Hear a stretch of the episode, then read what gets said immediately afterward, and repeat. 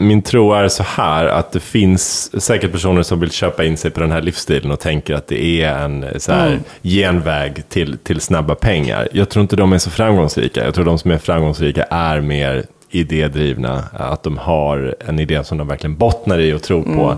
Och att det är den idén de brinner för snarare än bilarna och huset och brudarna och allt det där andra som kommer med pengar. Ja.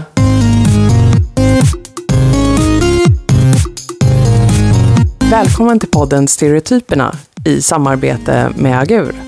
Vi har tänkt oss att eh, bryta ner stereotyperna och fundera lite på vad säger de om vår samtid och kultur? Tjena tjena, Mary här som vanligt. Fredrik vid min sida. Hur är läget? Hallå, det är fint. Det är Tack. fint. Jonas sitter Inget att här, klaga på. kollar på sin telefon. Satt på stör dig. Ja, det känns bra. Det Tja är bra. Jonas. Ingen får störa mig nu. Nu gäller det fokus. nu är det fokus. Tjena, Janne är här. Hej hej, Hej! Vi ska inte prata om föräldrarollen idag. vad trevligt. Ja, du får komma hit och snacka om något helt annat. För idag är det ju eh, startup-guyen, killen, eh, the man, the myth. Han som, tänker jag, snackar tech hela tiden i någon form. Eh, så här, det är liksom mycket så här, eh, mobile to mobile, platform interactions och försöker äska pengar ifrån Silicon Valley. Samtidigt som han har på sig chinos, en rutig skjorta i lite, som går lite i blått, typ. Där är min startup-kille. Shit Du vad tänker på en väldigt specifik person tror jag. Nej, Vem är det du tänker Jag har på? googlat. Och gud vad mycket rutiga skjortor jag har kollat in. Shoot Fredrik, vad är det för kille? Jag vet inte, Janne, Ah. du, du Bolla på take it away. s- the startup guy, Eh, vem är det? Det är väl en eh, entreprenör egentligen i grunden. Alltså det finns ju ett begrepp innan startup som var entreprenör och som fortfarande lever, tänker jag. Yes. Eh, Men jag läste på lite grann och skillnaden mellan entreprenör och eller entreprenörsföretag eller och en startup är att startupen har som mål att växa sig jättestort och växa sig förbi sin grundare. En entreprenör kan ju vara i liten skala, bara jag som gör en grej, medan eh, startupen har som mål att ta över världen, mer eller mindre. Ja. Och det är den guyen som vill ta över världen vi snackar om, tänker jag. Men, är, är, för, fråga där, är det liksom den här drivande, alltså den här personen som är grundaren, är det det som är startup-personen? Eller är det den här som sitter och kodar någonstans, också i ett hörn på det där, i någon mjuk saccosäck? Jag tänker på grundaren, den som sitt, börjar någonstans med sin laptop i ett garage eller på Ilcafé eller var man nu befinner sig i världen och har någon halvdassig idé eller en bra idé. Men många är rätt halvdassiga idéer om man ska vara ärlig. Eh, och tror att de ska ta över världen med den idén. Just det. Det, det tänker jag på som startup. Sen finns det väl de som jobbar på startups.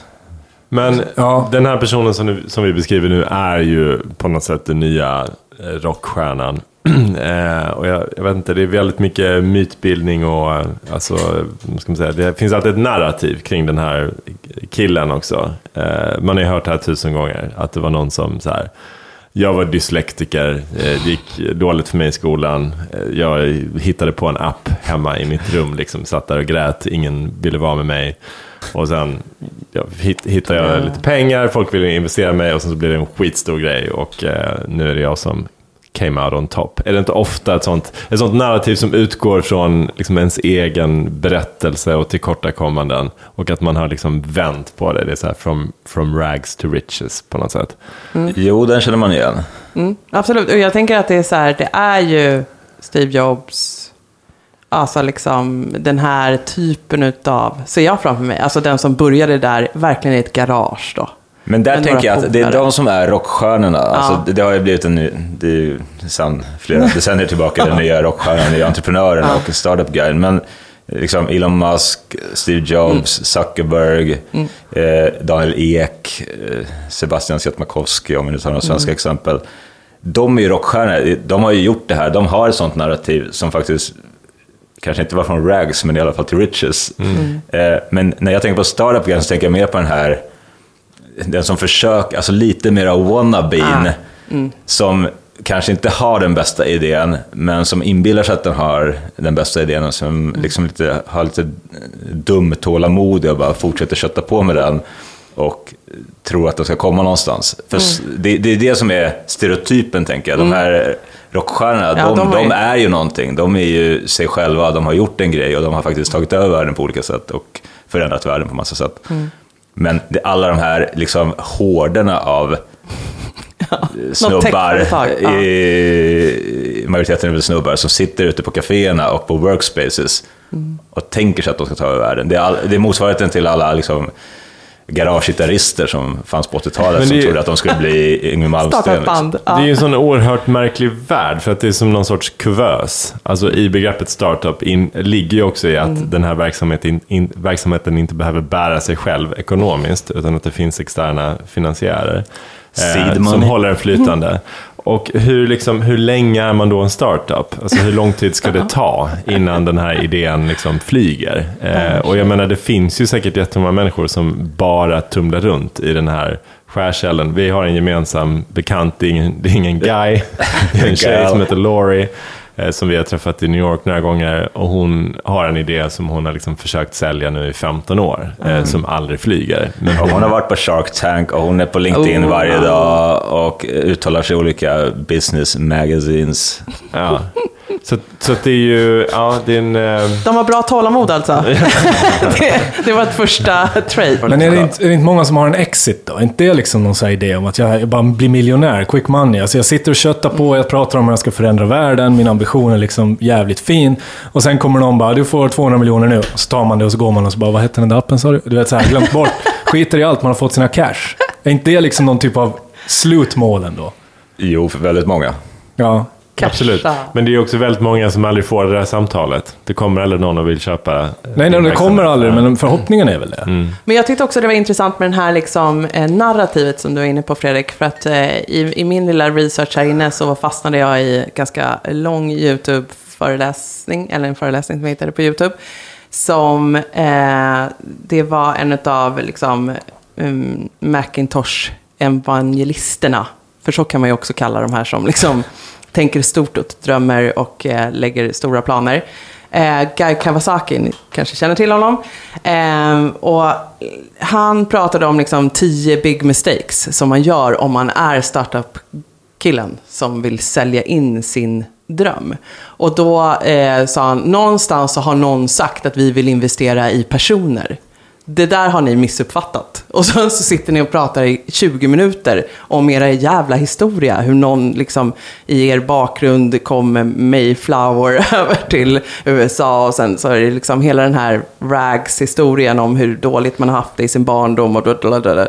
och han var så här, ingen bryr sig. Vi vill ju bara höra, vad ska du göra? Vad är idén? Vad är liksom grejen? Men, men det, är, det är tätt sammankopplat. Att så här, jag behöver narrativet för att berätta varför du ska satsa på mig.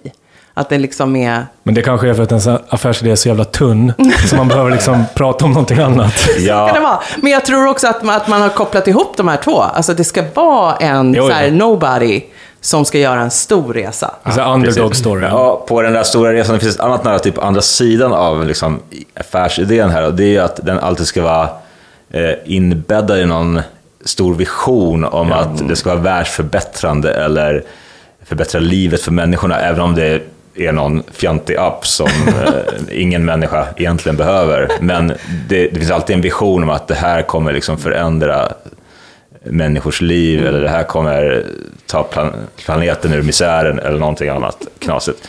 För när jag har suttit i Silicon Valley med jämna mellanrum och intervjuat sådana här snubbar i väldigt hög utsträckning så har de ju alltid lagt upp sin stora vision på bordet och i, i amerikanska stora ord berättat om den grandiosa visionen. Och de första gångerna jag träffade de, de här snubbarna och intervjuade dem så gick man ju på det där, för det, det liksom, man går ju på det amerikanska tugget.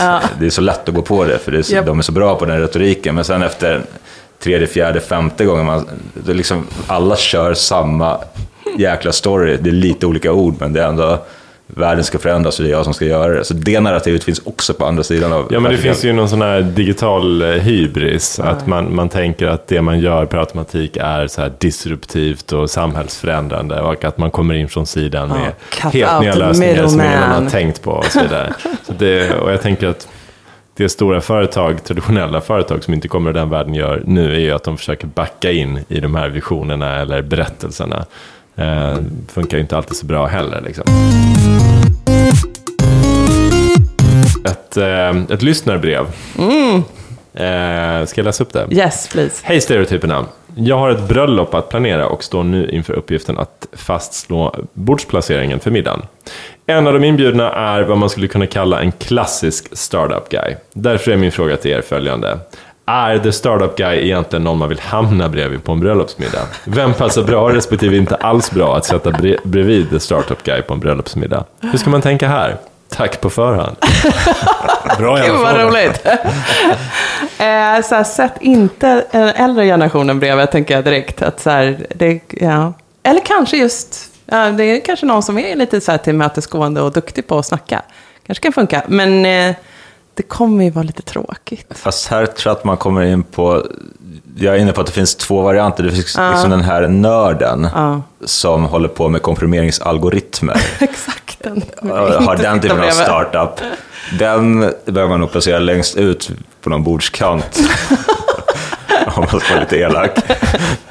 Eh, jag vet inte vem som ska sitta bredvid. Men sen finns ju liksom den här business lifestyle snackpåsen, Mm. alltså säljar startup-killen. Han trivs nog mitt på bordet Ja, liksom, det. och får bre ut sig kring sin, han kommer ju prata om sin startup, det kommer han göra. Vadå, vad startar han för något då? Det är någon lifestyle? men det Eller det behöver inte vara det förstås. Det där paret bara är ju sätt att klassiska, klassiska duon. Det är ju Wozniak Jobs. Bill Gates hade ju också någon sån där... Alltså någon, en, en av parterna är säljig och snygg och visionär Mm. och den andra parten är mer så här liksom, sitter lite sunkig och bara Men här, det är kan- också så här klassiskt, eh, alltså sångare, gitarrist. Så här, Lennon McCartney, Vad Axl är det med er Rose, killar? Slash. Kan ni bara liksom, ni har bara två, det är liksom bara en dimension ni kan jobba. Vem är du och vem är jag? All Så jag, right. jag tror att de där båda typerna finns ju oftast i en startup. Daniel Ek hade ju också någon som satt och bara så här knackade kod och kunde liksom den grejen. Han var ju mer den som hade idén. Ja, ja den finns ju i olika varianter, ja, jag håller med. Eh, Men jag tänker att, Ja. för att svara på frågan, Ja, visionären rolig, lyssna frågan. mitt på bordet. Kan Ja, liksom... kommer ju ta över, men eh, det behövs ju ofta en eh, conversation engine någonstans mitt på bordet, för att det kan vara lite stelt. Och den där andra eh, sätter vi, vi, vi forskaren, bibliotekarie, alltså folk som gillar systemet och grejerna bakom. Det är ju stickspår då. Det blir ju sällan bra när man sätter två nördar bredvid varandra, Nej. för ingen kommer säga ett ord. Man kan också sätta en sån nörd bredvid någon som är lite lätt dement och hör dåligt. Det var det jag började tänka så här, jag kanske ska sitta med den äldre generationen.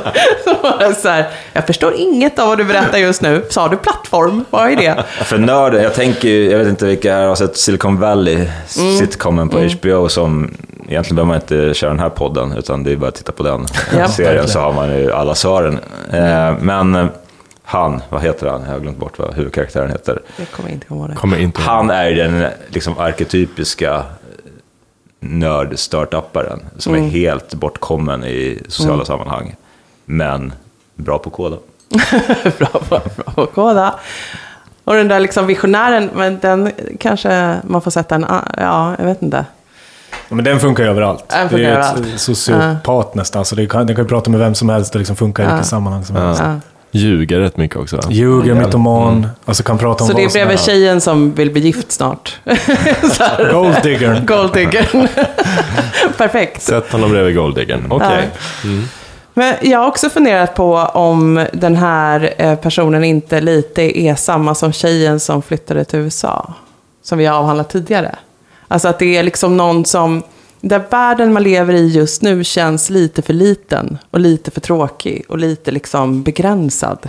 Att det är sådär, jag har, i alla fall om vi tänker på den här visionära typen, jag har liksom större drömmar än så här. Jag vill något mer. Och det kommer inte räcka med liksom ett banklån för att dra igång min verksamhet. Jag behöver liksom seed money och jag ska till Silicon Valley. Alltså det finns ju en stor Ja. konstig dröm här som man liksom jagar. Jag, jag, har, ja. jag har inget belägg för detta, men, men min tro är så här att det finns säkert personer som vill köpa in sig på den här livsstilen och tänker att det är en så här, genväg till, till snabba pengar. Jag tror inte de är så framgångsrika. Jag tror de som är framgångsrika är mer idédrivna. Att de har en idé som de verkligen bottnar i och tror på. Och att det är den idén de brinner för snarare än bilarna och huset och brudarna och allt det där andra som kommer med pengar. Ja. Jag vet inte. Det tror jag också, men det är det jag menar, stereotypen för mig är den där wannabeen som har gått på liksom, myten om att start, köra en startup och Mm. make it big.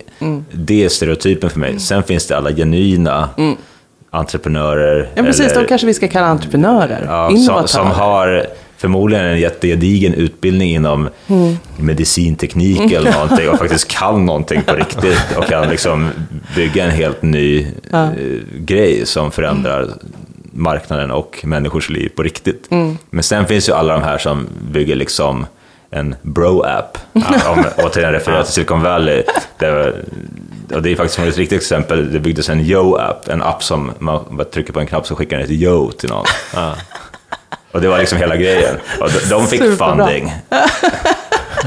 Men hela startupkulturen är ju, den, den har ju vuxit underifrån. Det är ändå en gräsrotsrörelse eh, till att börja med. Men nu är den ju på något sätt sanktionerad från staten. Liksom. Nu kan man gå så här gymnasieprogram som heter så här entreprenörskap. Liksom, hålla på med på halvtid och utveckla appar och sånt, eller hur? Mm. Det där så hur man hittar funding. Så. Ja, Vinnova Ja. eh, kastar pengar på alla Exakt. som har en idé. Okej, då provar jag min andra teori då. Ni sköt den första lite i sank. Jag hörde det. Eh, Det är helt okej. Är det liksom mannen i kris som gör att vi har ett gäng killar som sitter på ett café och så här, hmm. Eh, alltså nu pratar vi stereotypen Janne, som du återkommer till här. Den här liksom, jag har inte riktigt något i bagaget här. Jag har inte liksom tänkt något mer än en kul app som, så här, vad ska jag göra i mitt liv? Jag måste hitta min plats, min position. Hur ska jag dra in stålar, bli någon, eh, prestera i ett samhälle som är helt eh, fokuserat på prestationen? Mm, intressant. Alltså, the self-made man eh, har ju alltid varit en, en väldigt så här, attraktiv roll för män, tänker jag. Oavsett vilken tid vi har levt i. Och det här är ju verkligen Det sant. self-made man. Det är väl en modern version av det, jag vet inte. Eh, Ja. Men det är väl något väldigt manligt i det, alltså, eh, om man lyckas med det. Börja med noll och Ja. bygga någonting stort. Sant, okej. Så det är en pågående, har alltid funnits med oss sen Det liksom. är den nya iterationen av Ja. Exakt. den företeelsen. Ja, det köper jag. Ja. Istället för att, inte vet jag, driva igång sadeljordstillverkning så är det appar idag. Just det. Ja, men sadeljordstillverkning, det är svårt att skala liksom. Mm.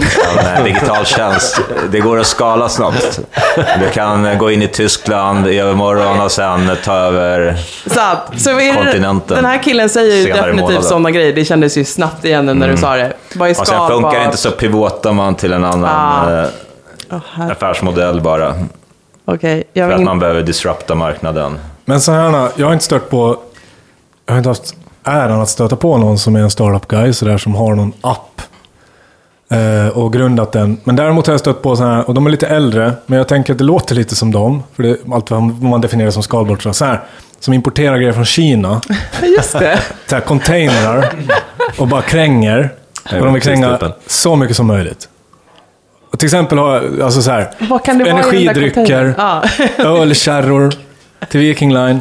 Men det Sådana där, det där är en klassisk entreprenör som ser en eh, marknadsmöjlighet och eh, agerar på den. Eh, Utan att bry sig om kvalitet. Ja, och utan att det finns någon idé Nej, för- eller något samhällsförbättrande. eh, Precis, eller det finns vision. inte den här... han tänker inte att han kommer kunna kränga plastprylar till hela jordklotet. För det skulle ju the real startup guy tänka. Han säger bara 50 lax up front. Det är entreprenöriellt. Cash is king. Okej, men, men Ja, den här startup, startup kill, det är inte så att den har bara identifierat något på marknaden och tänker det här, det här, här, här kan jag göra någonting. Jo, men den lägger in det. Alltså, ibland kan det vara identifierat ett riktigt problem som den vill lösa, men ibland ett halvdant problem som kanske inte ens är ett problem, men man lägger ändå in det i en mycket större kontext och en, större story. Och Jag tänker fortfarande att det här är liksom eh, Jobs eh, legacy. Att, vi, att han också, liksom, att då den här Guy Kawasaki som jag lyssnade på, att han har som titel evangelist. Det är ju inte liksom varken entreprenör, innovatör eller något annat, utan det är så här, det är liksom visioner vi framverkar. Ja. Så att det är liksom en tydlig sån koppling till världsförbättring i någon form. Eh, och, att, och, och det, med det så har vi också det här narrativet, jag kommer från ingenting, jag började i mitt garage. Da, da, da. Alltså liksom, lägg på alla de här sakerna så har vi vår eh, café startup guy som sitter där och drömmer stort. Liksom. Men jag tycker också det finns en respektlöshet för historien i The Startup Guy. Alltifrån så här hur man organiserar ett företag. Ja. Vad man, be- att man behöver kanske en budget.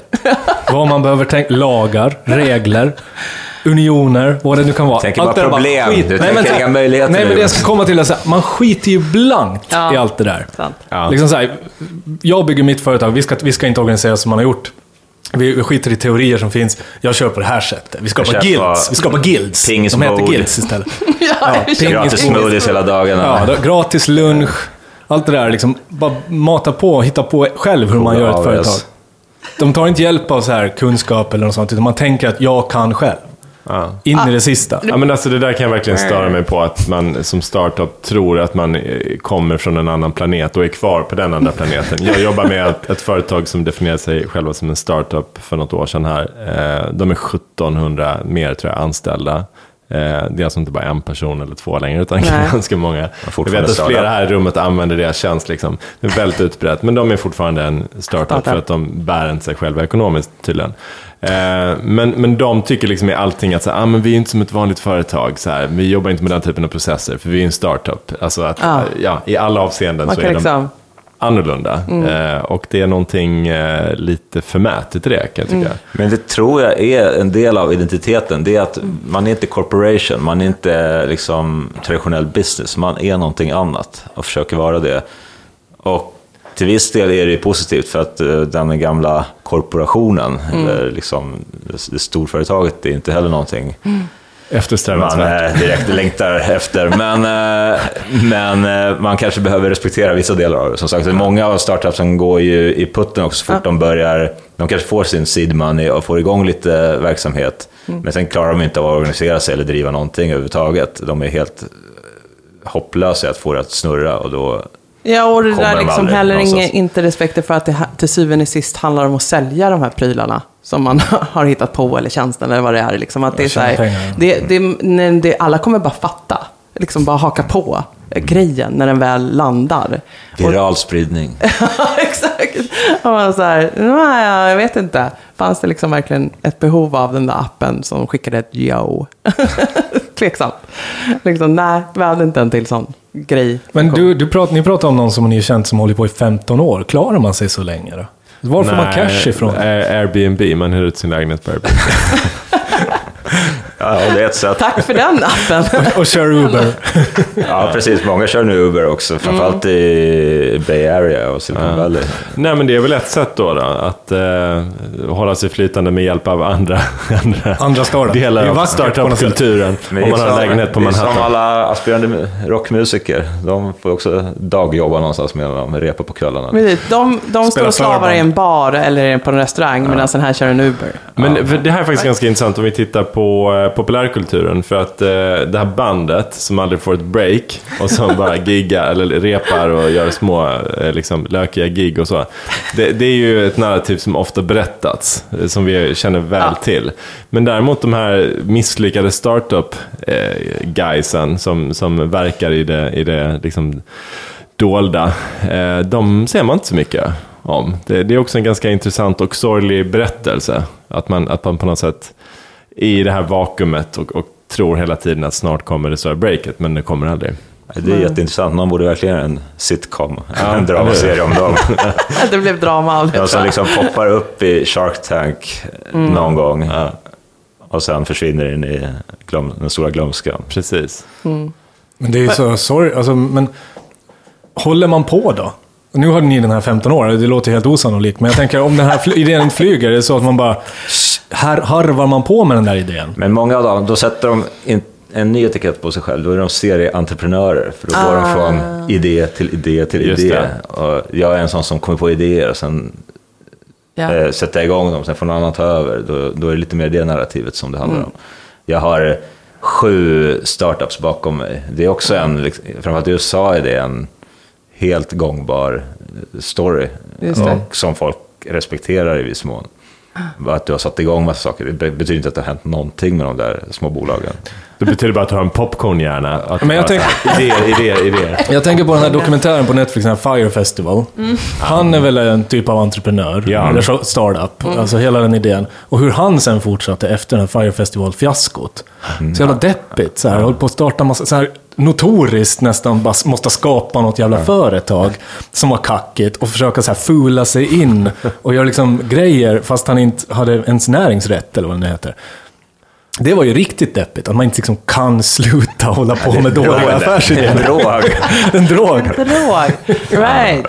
Ja, vi kommer snart liksom se typ nya eh, AA-möten här. Men det är liksom startup-killar som Ja, sitter i. Compulsive startup. Eller Theranos med Elizabeth Holmes. Alltså, Verkligen. kanske den mest intressanta historien från senare tid överhuvudtaget. Just det. Du får ge lite bakgrund. Det här är två Vad tips var det vi har. Först? Fire Festival finns på Netflix. Och Theranos på HBO. Men hon, Theranos. Ja, det här företaget som hon startade ju en, hon var ju typ 20 år eller någonting, hon var inte särskilt gammal, hoppade av Stanford. Startade Såklart. en, eh, byggde någon maskin som hette Edison som hon menar kunde liksom blodtesta eh, dig hem. Så du köpte hem den här maskinen ungefär som en eh, gammal dator, så kunde du blodtesta dig för eh, flera tusen sjukdomar. Och det var en total bluff hela vägen. Jag Eh, klarade ju inte av att göra en enkel blodsbestämning. Nej, men hon bara gick vidare och in- inbillade sig själv att det här kommer flyga och det här kommer funka. Och hon hade ju eh, för detta utrikesminister i sin styrelse och fick hur mycket pengar som helst tills det 2018 brakade ihop fullständigt och det var bara tomt. Det fanns ingenting där. Men det är också en slags så här, eh, någon slags beroende av att bara leva den här, det här narrativet om att lyckas. Men att det fick fortgå så länge, det är ju också ett väldigt talande exempel på hur förblindande det, Ja. det här narrativet och den här Yes. kulturen kan bli. Att man bara låter det pågå och man tror att hon är någon sorts ungt geni, liksom, eh, som, eh, som man inte på något sätt kan...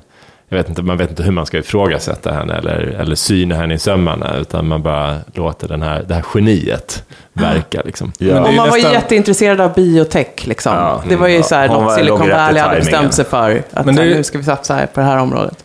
Eh, Kring St- Steve Jobs har sagt, eller folk som har jobbat nära han sa att han har någon typ av förvrängningszon i sin närhet. Alltså att han kunde förvränga verkligheten för en. Jag tänker lite så här Charles Manson-grej också. Tänker jag, så här, man, någon bara säger att det är okej och så tror man så hårt på den. Fire Festival, samma sak. De Ja. kom in och sa det här går åt helvete och han bara nej, det är okej. Och sen så kände de, okej då. Det är väl okej då, om han säger det. Ja, men är nu börjar att man ju tänka direkt på så här, Lance Armstrong, Enron-skandalen. Alltså att liksom, den här typen av eh, lite masspsykos kan man... Så startup guy är en Starta. galen människa helt enkelt. En mytoman. Ja, och sen tänker jag att en startup guy, precis som rockstjärnan, eh, när the startup guy når en viss nivå så eh, blir den personen omgärdad av ja-sägare. Ja. Ja, alltså det blir allt svårare att ifrågasätta den personen, för den personen är så uppburen och har sån status. Och det, det, det, liksom, det blir eh, the downfall på något sätt. Och i Theranos-exemplet, jag måste bara ta det också, det som är intressant är att hon hade sen liksom tidig barndom beundrat Steve Jobs. Så hon var ju, man kan ju ana att hon inte var driven egentligen av att göra den här medtech, biotech-grejen som hon gjorde och förbättra världen, utan hon var ju driven av liksom myten, Yes. eh, narrativet att eh, vara en Steve Jobs-aktig figur. Det var det hon ville bli, det var det som var hennes drivkraft. Och det säger så mycket om vart vår kultur har tagit vägen och vart liksom näringslivet har tagit vägen överhuvudtaget. Eh, att det är, det är det som är eh, guldmedaljen på något sätt, att bli den figuren. Att få vara den figuren. För det är det, det högsta man kan vara i dagens samhälle. Vad kommer att hända med den här typen? Kommer den här kulturen att dö? Kommer den att liksom, en bubbla som de kommer att spräcka hål på? The shutdown girl kommer in och stänger ner någonting. Shutdown girl. Ja. Och den Krassa där, realisten. den där George Clooney-typen som flyger runt i hela världen och bara säger upp folk och säger det här will never work. Tjejsmurfen kommer till byn. Nej, men alltså jag har ju tänkt, eh, själva behovet av att vara någon och tro på något, den tänker jag ligger kvar. Och kanske behövs ännu mer i liksom den här dystopin som vi lever i och eh, värre tider väntar. Men däremot vet jag inte om vi kommer tro på att startupen är receptet. Eh, eftersom jag tycker att nu får vi också höra ifrån Silicon Valley och jag vet inte, TED Talks och andra, liksom att så här, det är ju ens tveksamt om trickle down-effekten. Här kommer andra sådana business-termer flygande. Men alltså att eh, det här, den här typen av bolag kommer ju inte lösa våra samhällsproblem. De räcker liksom inte till. Att vi startar en app som gör ett Joe till någon. Vi anställer väldigt få. Vi kan inte rädda varken Detroit eller eh, någon annan del av liksom, eh, USA. Med, det, krävs, liksom, det krävs andra insatser, andra sätt att jobba. Det känns som vi har så en Bill Gates som har vaknat upp efter och gör andra saker med sina pengar. Alltså, jag vet inte om vi kommer, om pengasidan här kommer satsa på startup-guiden. Ja det, ja, det är intressant. Det finns otroligt mycket kapital idag mm. i världen. Det yes. bara sitter folk med påsar med pengar som inte vet vad ska göra. Och det har ju drivit den här kulturen för att mm. liksom, det kapitalistiska systemet har byggt upp så mycket kapital helt enkelt hos vissa institutioner och men, mm. personer. Så att det är därför de har också eh, investerat i en massa halvpuckade idéer, för de måste bara omsätta sitt kapital på något sätt. Men det, att, ju, ja, och det kapitalet finns ju fortfarande och det kommer ja. behöva omsättas, men tveksamt om det blir i de här, den här snubben som tror att han har kläckt det. Ja, men slutprodukten i moderna startup-företag är ju inte pengar egentligen. Alltså det är alltså förmodligen på något sätt, men data är ju så jävla commodity idag, mm. på något sätt. Alltså data om människor, om användning, om, om var man rör sig, vem man umgås med, allt sånt där. Och det är så jävla många appar idag som bara så här, tappar in. Om man läser terms and conditions, så här, vi tar alla dina bilder, vi läser alla dina meddelanden, fast det bara är någon sån jävla face swap-app. Liksom. Så fattar man, men man bara så här, ger med sig, man bara delar med sig av datat. Så många appar är ju så här, det är ett fult sätt att komma åt data också. De gör en jävligt så ytlig, cool grej. En yo Men syftet med Yo-appen gentemot en investerare är ju vi kommer att samla in miljarder bilder av våra, ja. hos våra användare. Det här kommer vara en kul grej som kommer att bli viral, folk kommer att ladda ner den, sen kommer vi ha tillgång till all den här datan. Ja. Och det är helt okej okay att den dör sen. Det är helt okej okay att liksom appen yes. dör, att inte den flyger. För vi kommer att sitta med sjukt mycket data som vi sen kan... Och sen är det problem med big data idag, att folk vet inte hur de ska använda den. Nej, men det kommer det är liksom väl, en utmaning. Liksom. Det är nästa. Ja. kommer väl någon sån jävla startup. men, men någon, någonting kommer vi Vi kan inte ha liksom generationer av eh, snubbar som sitter på café och tror att de eh, har kläckt den nya affärsidén. Alltså, liksom... Och jag liksom- klarar inte fler rutiga skjortor. Kan ni bara... det måste hända något.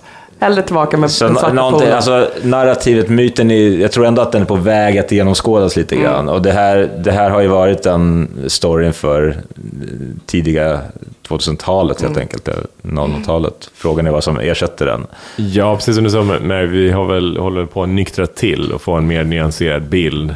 Eh, vi blir inte hänförda lika lätt kanske. Nej, Nej. så att eh, vår startup-kille måste gå några kurser på universitetet eller i bara lite ja, marknadsföring? Och... Jag, tror också, jag läste också att de, det har gjorts lite forskning på vilka som faktiskt skapar, startar och skapar de mest framgångsrika mm. företagen. Det är ofta medelålders människor som har varit med ett tag. Eh, som kan hur man organiserar ett, ett mm. företag och som kan business och, och, så vidare. De lyckas i mycket högre utsträckning än 20-åringarna mm. som försöker göra den coola grejen. Så att, det, där man börjar väl lära sig någonstans. Man har liksom återigen förblindats av ungdomen på något sätt, mm. som vi hela tiden om och om gör i alla tider, att de har knäckt det. Men erfarenhet verkar ha någonting med saken att göra också. Roligt, det här var ju superintressant. För att sammanfatta, eh, sätt eh, killen där på bröllopet i mitten. Han har fortfarande något år på sig, speciellt han som är visionär. Den andra får prata lite mer med de dementa. Eh, och eh, kommer finnas kvar i framtiden, men eh, kapitalisterna här kommer se till att skruva åt tummarna lite. Vara lite hårdare i ja, vad som krävs för att man ska få lansera sin dröm.